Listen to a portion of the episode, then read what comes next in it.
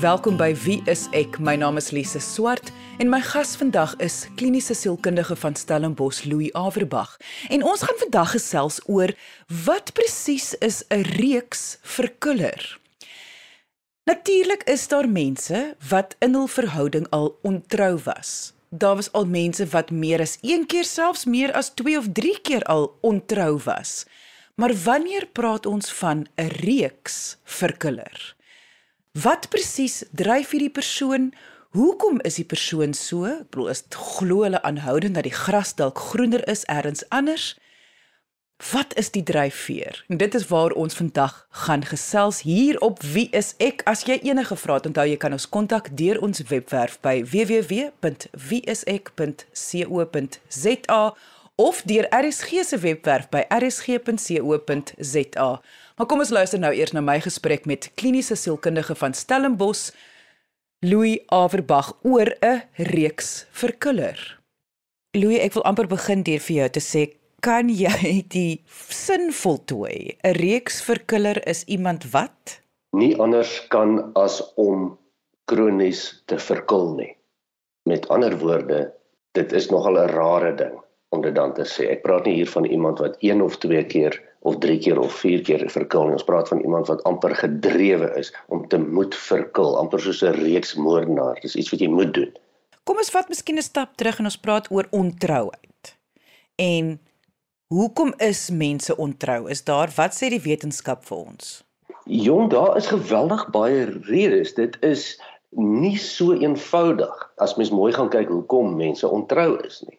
Jy weet, kom ons kyk na 'n paar van die van, van die redes. Ehm um, 'n wraak is baie kere 'n rede, net om sommer dit te noem. Baie kere is daar onvervulde behoeftes in 'n verhouding, in 'n huidige verhouding. Dit kan seksuele behoeftes wees, maar baie keer is dit ook emosionele behoeftes. Baie keer verkil mense bloot vanweë seksuele dryfkrag, seksuele drange. Lae selfwaarde speel 'n groot rol in in verkilling. Natuurlik omgewingsfaktore, jy weet, uh, as alkohol veral speel 'n geweldige rol. Mense verkil baie makliker op alkohol. En natuurlik 'n werksomgewing sê maar waar daar baie uh, emosionele koneksie is, verbinding is, fisiese aanraking is. So ongelukkigheid in 'n huidige verhouding, verveling, daar's baie redes. En interessant as mens gaan kyk na sekondêre redes. amper redes wat nie so in jou gesig is nie, maar wat tog 'n rol speel. Dan dan sal 'n geleentheid eintlik 'n baie groot rol speel. Deesdae is dit baie makliker om te verkil vanweë die internet en vanweë maklike kommunikasiemiddel. En en dit is makliker. So mense verkil eintlik baie keer meer as daar geleentheid is. En en en natuurlik pornografie speel ook 'n rol in waarom mense verkil. Daar is daar's geweldig baie baie redes daarvoor. Dit is nie net seksueel gedrewe nie. En natuurlik, as mens mooi gaan kyk, mens kan tog nie veralgemeen nie. Maar dit is so dat mans oor die algemeen verkil vir verskillende redes as vir vroue. Breedweg natuurlik, nê? En ek ek sê weer, dit is 'n baie grouwe veralgemeen. Maar oor die algemeen lyk dit asof mans grootliks verkil as gevolg van meer selfbeeld aangeleenthede. Redes van wat wat met selfbeelde en insekuriteit te doen het onder andere nie altyd nie maar meerendeels en vroue baie meer van wie die die uh belewenis van 'n gebrek aan koneksie in hulle huidige verhoudings of huwelike. Daar 'n fair baie keer vir vroue is is meer 'n oorgangsperiode weg van die verhouding af. Terwyl vir mans is dit baie keer anders en ek sê weer is verskriklike grove vir algemeen ek mag dalk baie terug terugslag kry hieroor.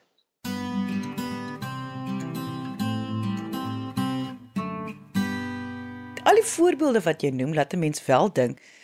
En enige iemand wat ooit in hierdie posisie was waar iemand ontrou was teenoor hulle sal ook sê maar het die persoon net mos 'n keuse gehad? Hulle kon tog dink vir hulle self. Ja natuurlik. Maar dit is maar soos met meeste ander dinge in die lewe jy weet. Maar baie keer is daar daar is natuurlik gevalle waar mense nie keuses het in hulle verkilling nie byvoorbeeld met uh, siekte toestande of geestesstoestande jy weet soos 'n bipolêre verstoring Daai mense in 'n maniese fase raak baie seksueel uh um eksplisiet en en waghalsig, maar dit is regtig nie hulle normaalweg is nie. Maar goed, ek dink ons verstaan dit. Dit dit gaan daarom nou oor waar mense regtig dit kan help. En natuurlik het mense keuse en natuurlik kan mense min of meer hulle eie besluite neem. Maar nou moet ons mooi vir mekaar ook sê dat daarmee neem ons aan dat ons as mense ons gedrag kan beheer. En dit is nie heeltemal waar nie. Die die die wêreld is vol daaglikse voorbeelde van gewone normale mense wat nie hulle gedrag kan beheer nie baie keer vanweë emosionele redes, baie keer vanweë biologiese redes. Baie keer vanweë diep sielkundige redes. Jy weet, ons kyk na mense wat verkil. Ek praat nou nie van mense wat reeks verkillers is en regtig nou dit bedoel en glad nie omgee nie. Ek praat van gewone mense waar daar verkilling plaasvind in verhoudings. En ons kyk na hulle met verbasing en sê, "Haai, maar dit mag mos nie gebeur nie. Hoe hoe kan dit gebeur?" Die werklikheid is dit gebeur elke dag dat mense eenvoudig dit wat hulle nie noodwendig wil doen nie, doen. En daar's miljoene voorbeelde daarvan. Verkulling is maar net een daarvan. Sou jy sê hoe ons ontrouheid in 'n in in in 'n verhouding sien is eintlik al meer deur die oë van hoe die samelewing wil hê ons moet dit sien in plaas van hoe dit in realiteit is. Met ander woorde, baie mense sal sê wanneer iemand ontrou gaan wees teenoor my, dan is die verhouding klaar en ek wil hulle nooit weer sien nie en so. Waar vir baie ander mense weer is ontrouheid was 'n stap gewees om hulle verhouding sterker te maak. Dit voel amper vir my ons het so half 'n nie ek wil nie sê 'n verkeerde siening van ontrouheid nie, want dit is tog maar verkeerd. Maar dit voel vir my dit is nie noodwendig so 'n groot ramp soos wat die samelewing vir ons laat dink dit is nie. Ja, dit hang natuurlik baie af van verhouding tot verhouding. Maar jy weet, kom ons gaan net weer terug tot wat jy gesê het. Daar is eintlik twee maniere om hierna te kyk. Die een manier is om te sê dat die mens het waarskynlik nog nie ver genoeg geëvolueer om sommer gemaklik in monogame verhoudings te wees vir langtermyn nie. Daar's daar's baie navorsing en daar is oor genoeg teorie om aan te dui, jy weet dat dat ons as mense nie heeltemal so gebou is vir monogame verhoudings nie, veral nie op 'n langtermyn nie. Ons dink baie keer daar moet iets fout wees met die verhouding of met die persoon as daar 'n uh, uh, sê maar 'n uh, verkilling was. En en en baie keer is dit ook maar net eenvoudig die onvermoë van mense om in sulke langtermyn verhoudings net een seksuele maat te hê, nê. Nee. Die die konsep van monogamie uh, kom baie onder onder die aanslag van praktiese toetse omdat dit nie lyk asof dit prakties regtig so goed uitwerk nie. Ons as samelewing wil dit baie graag so hê, maar jy weet, uh, verhoudingshuwelike oor die algemeen en en daarmee saam verkilling of behoeftes na ander forme van stimulering uh, in die verhouding is is is eintlik baie meer algemeen as wat mense wil erken. En dat dit nie altyd aanduidend is van vreeslike nare mense nie. Dis die een kant daarvan.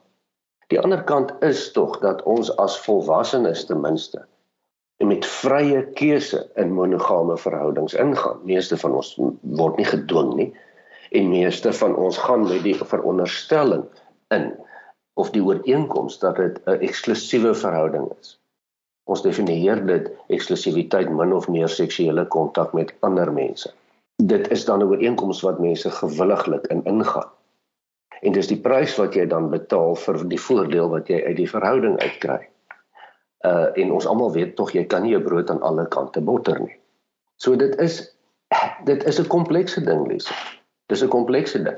En afhangende van hoe mense hierna kyk, baie keer maak dat hulle dan in hulle verhouding sê maar ontrouheid uh kan weerstaan in die verhouding en dat dit self sterker kan word of nie. Want jy is heeltemal reg dit hoef nie noodwendig 'n ramp te wees nie.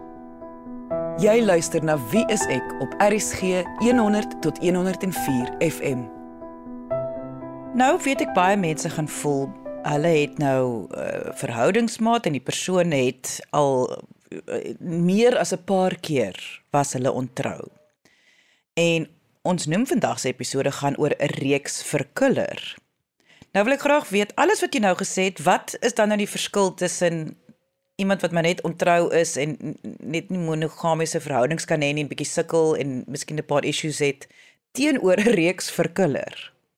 As jy praat van reeks verkiller, dan praat jy van patologie. Dan praat jy van iemand wat verslaaf is. Jy kon net sowel gepraat het van 'n reeks 'n drinker of 'n reeks dwelmgebruiker of 'n reeks videospeletjies speler. Dis iets wat jy moet doen. Dis iets wat maak nie saak hoe die prys jou kos nie. Jy doen dit. Dit maak dan ook nie saak met wie jy getroud is of nie getroud is nie. Jy gaan altyd verkil. Wat ook al jou redes daarvoor is, is natuurlik heeltemal 'n ander gesprek. Uh wat dit dan onmoontlik maak om so met so 'n persoon dan in 'n monogame verhouding te wees. Maak dan nie saak wat die situasie is nie. Ons praat amper van die ekstreme vorm van die sogenaamde womanizer, om dit so te stel, 'n 'n rokjagter. En dan praat ons dan nie van iemand wat net vriendelik is met ander dames nie. Ons praat dan van iemand wat seksuele verhoudings ten alle koste aanknoop. Net soos wat mense maar halfkompulsief baie ander dinge in die lewe doen. Drink, sosialiseer, sport beoefen, wat dit ook al is, soms met tot baie groot prys van ander areas in hulle lewe. Maar jy weet, eh, as jy praat van reeks verkilling, eh, dan is dit mos nie eintlik regtig moontlik om met so 'n persoon in 'n verhouding te wees nie want dit gaan nie net oor die ontrouheid self nie dit gaan ook oor die leuns wat daarmee gepaard gaan en die doelbewustheid van die leuns wat daarmee gepaard gaan. Louis, soos jy nou verduidelik het van die reeks verkiller, laat dit my nou dink aan persoonlikheidsversteurings soos narcisme of of antisosiale persoonlikheidsversteuring. Hoe sou hoekom voel dit vir my dan asof hulle so half hand in hand moontlik kan gaan? Ja, jy verwys eintlik na die risiko van eh, faktore van van verkulling, nê, nee, met ander woorde, watter tipe mense wil mens amper sê, gaan meer geneig wees daartoe. Mm. -mm. En oor die algemeen lyk dit dat vroue wat sogenaamd meer neuroties is, met ander woorde angstig is, bekommerd is, sukkel met emosionele beheer, is meer geneig tot uh, verkulling en mans wat meer narcistiese trekke het, is meer geneig tot verkulling. Dit is so. Daar is natuurlik ander faktore, soos bipolêre versteuring. Soos ons nou nou gesê het, verhoog is ook 'n risikofaktor vir vir ontrouheid in die verhouding.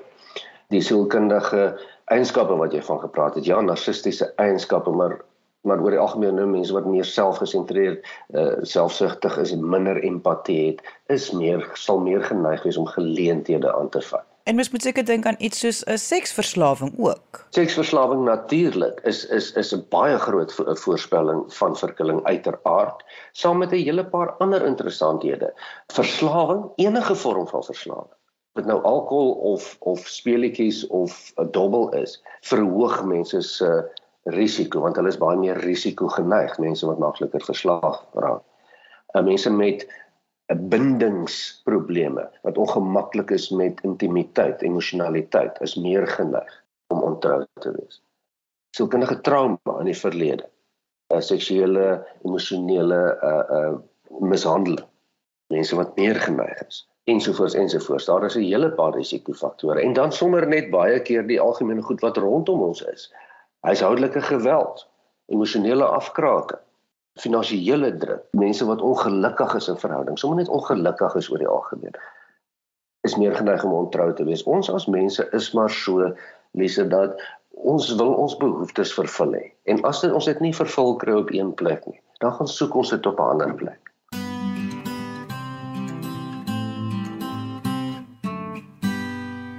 ai vir tog so moeilik kan maak vir die mense wat daarmee moet saamleef, maar dis nou juist wat ek wil weet Louis. Wanneer mense ontrou was in die verlede, dan het hulle baie keer, ek weet jy of jy ook het vriende en so het vir jou sal sê hulle is nou in 'n nuwe verhouding en hulle het hoop hierdie keer gaan hulle eh, getrou bly want hierdie is anders en dit is nou die verhouding. Werk werk dit so vir 'n reekverkiller ook dat hulle hoop die die volgende verhouding is is eintlik die een. Kyk jy jy jy praat van 'n reeks verkiller asof dit 'n algemene fenomeen is en dit is nie. Dit is baie min wat wat wat, wat dit is. Mense wat reeks verkil, uh stel ook nie eintlik regtig belang om die verhoudings waarin hulle is te laat werk nie. Nee, dit gaan meer, baie meer oor die verkilling as die verhouding. Gewoonlik is die verhouding maar net 'n uh, 'n deel van lewenstyl of wat dit wat dit ook al mag wees. Maar as ons gaan kyk na huwelike of verhoudings waar daar ontrouheid was en en daarna die tyd daaroor besin word, dan is dit sodat die meeste mense wat ontrou is in verhoudings is nie reeks vir kinders nie. Daar's redes hoekom hulle dit doen. Weet ons almal sê altyd 'n saak het twee kante, nee eintlik het 'n saak drie kante. Ons almal sê dit. En dit geld maar met verkilling ook. Die gemiddelde normale mens is nie is nie 'n psigopaat nie. Beplan nie om hulle huweliksmaats of of verhoudingsmaats noodwendig seer te maak of te na te kom nie. Voel ook skuldig oor hulle ontrouheid. Wil ook graag hê dit moet nie eintlik gebeur nie. So daar is geweldig materiaal in ontrouheid. Verhoudingsmaats eintlik baie baie sterker te maak na die tyd, maar dan moet hulle wil. En om dan terug te keer tot na jou voorbeeld wat jy vroeër genoem het van mense wat sal sê luister dit is vir my heeltemal onaanvaarbaar ek kan nie daarmee leef nie. Dit is natuurlik jou reg.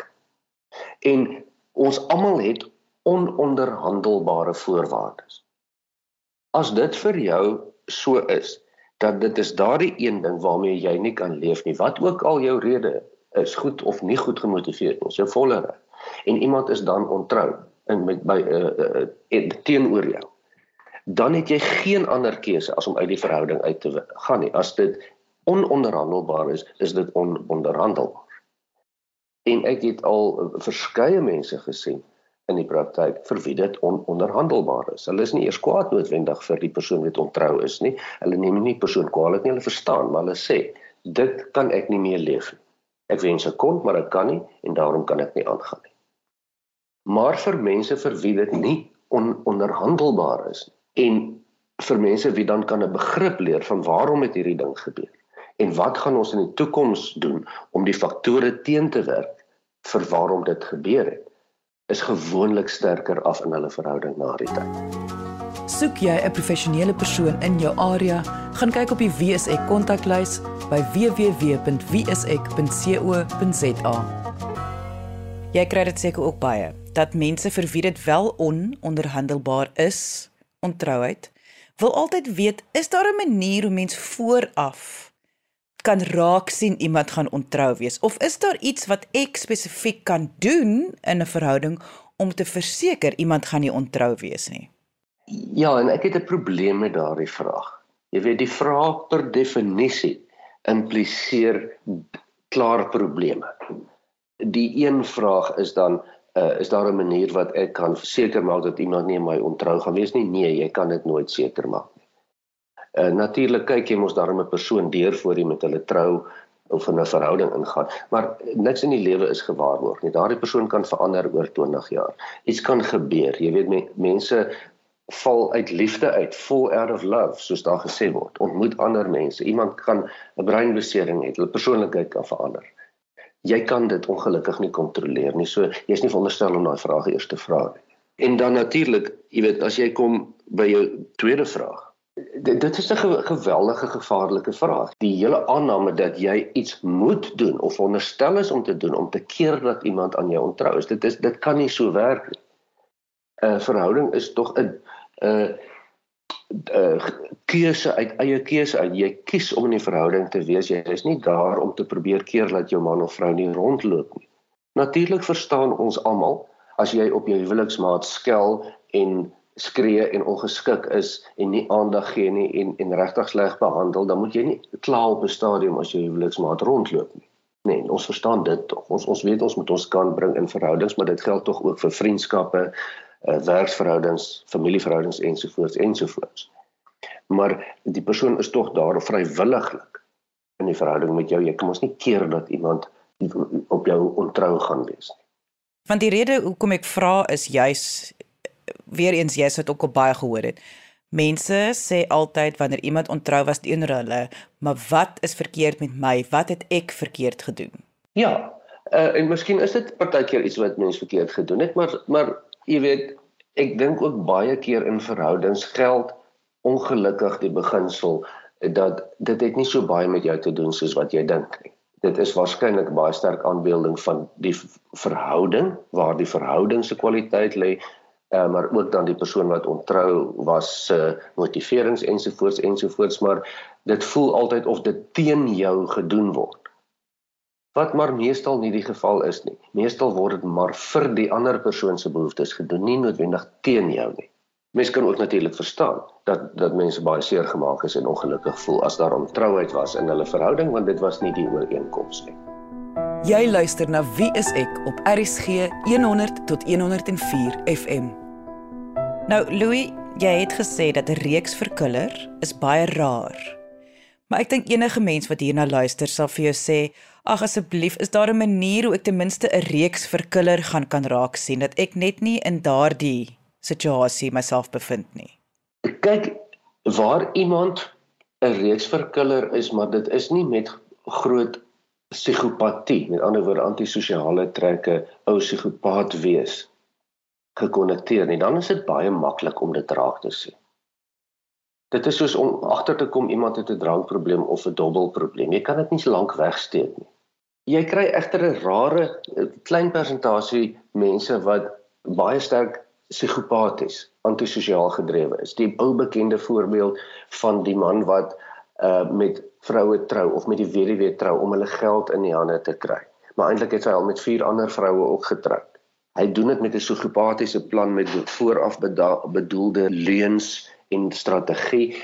En die gemiddelde mens kom dit mos nie agter nie. Jy kan dit mos nie sien nie. Ons kan ons nie gedagtes lees nie. Ons is nie so wantrouig dat ons alle mense se intensies gaan naspeur nie.